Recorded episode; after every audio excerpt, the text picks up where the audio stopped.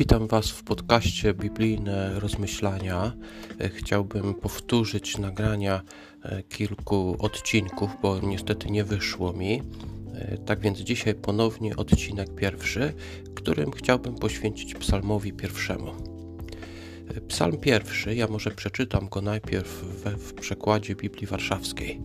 Szczęśliwy mąż, który nie idzie za radą bezbożnych, ani nie stoi na drodze grzeszników, ani nie zasiada w gronie szyderców, lecz ma upodobanie w zakonie Pana i zakon jego rozważa dniem i nocą.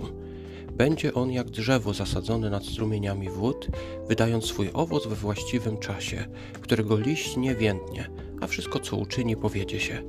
Nie tak jest z bezbożnymi są oni bowiem jak plewa, którą wiatr roznosi, przeto nie ostoją się bezbożni na sądzie, ani grzesznicy w zgromadzeniu sprawiedliwych. Gdyż Pan troszczy się o drogę sprawiedliwych, droga zaś bezbożnych wiedzie donikąd. Ja chciałbym się skupić szczególnie na wersecie drugim i już wyjaśniam dlaczego. W poprzednich sezonach nagrywałem 3-4 rozdziały dziennie i no to było dobre pewnie, żeby dawało możliwość przeczytania Biblii w, w ciągu roku, całej Biblii. W tym roku jednak postanowiłem skupić się tylko na jednym rozdziale dziennie i werset drugi myślę to wyjaśnia. Jeszcze raz go przeczytam. Lecz ma upodobanie w zakonie Pana i zakon jego rozważa dniem i nocą. W przekładzie Biblii Tysiąclecia, lecz ma upodobanie w prawie Pana i nad jego prawem rozmyśla dniem i nocą.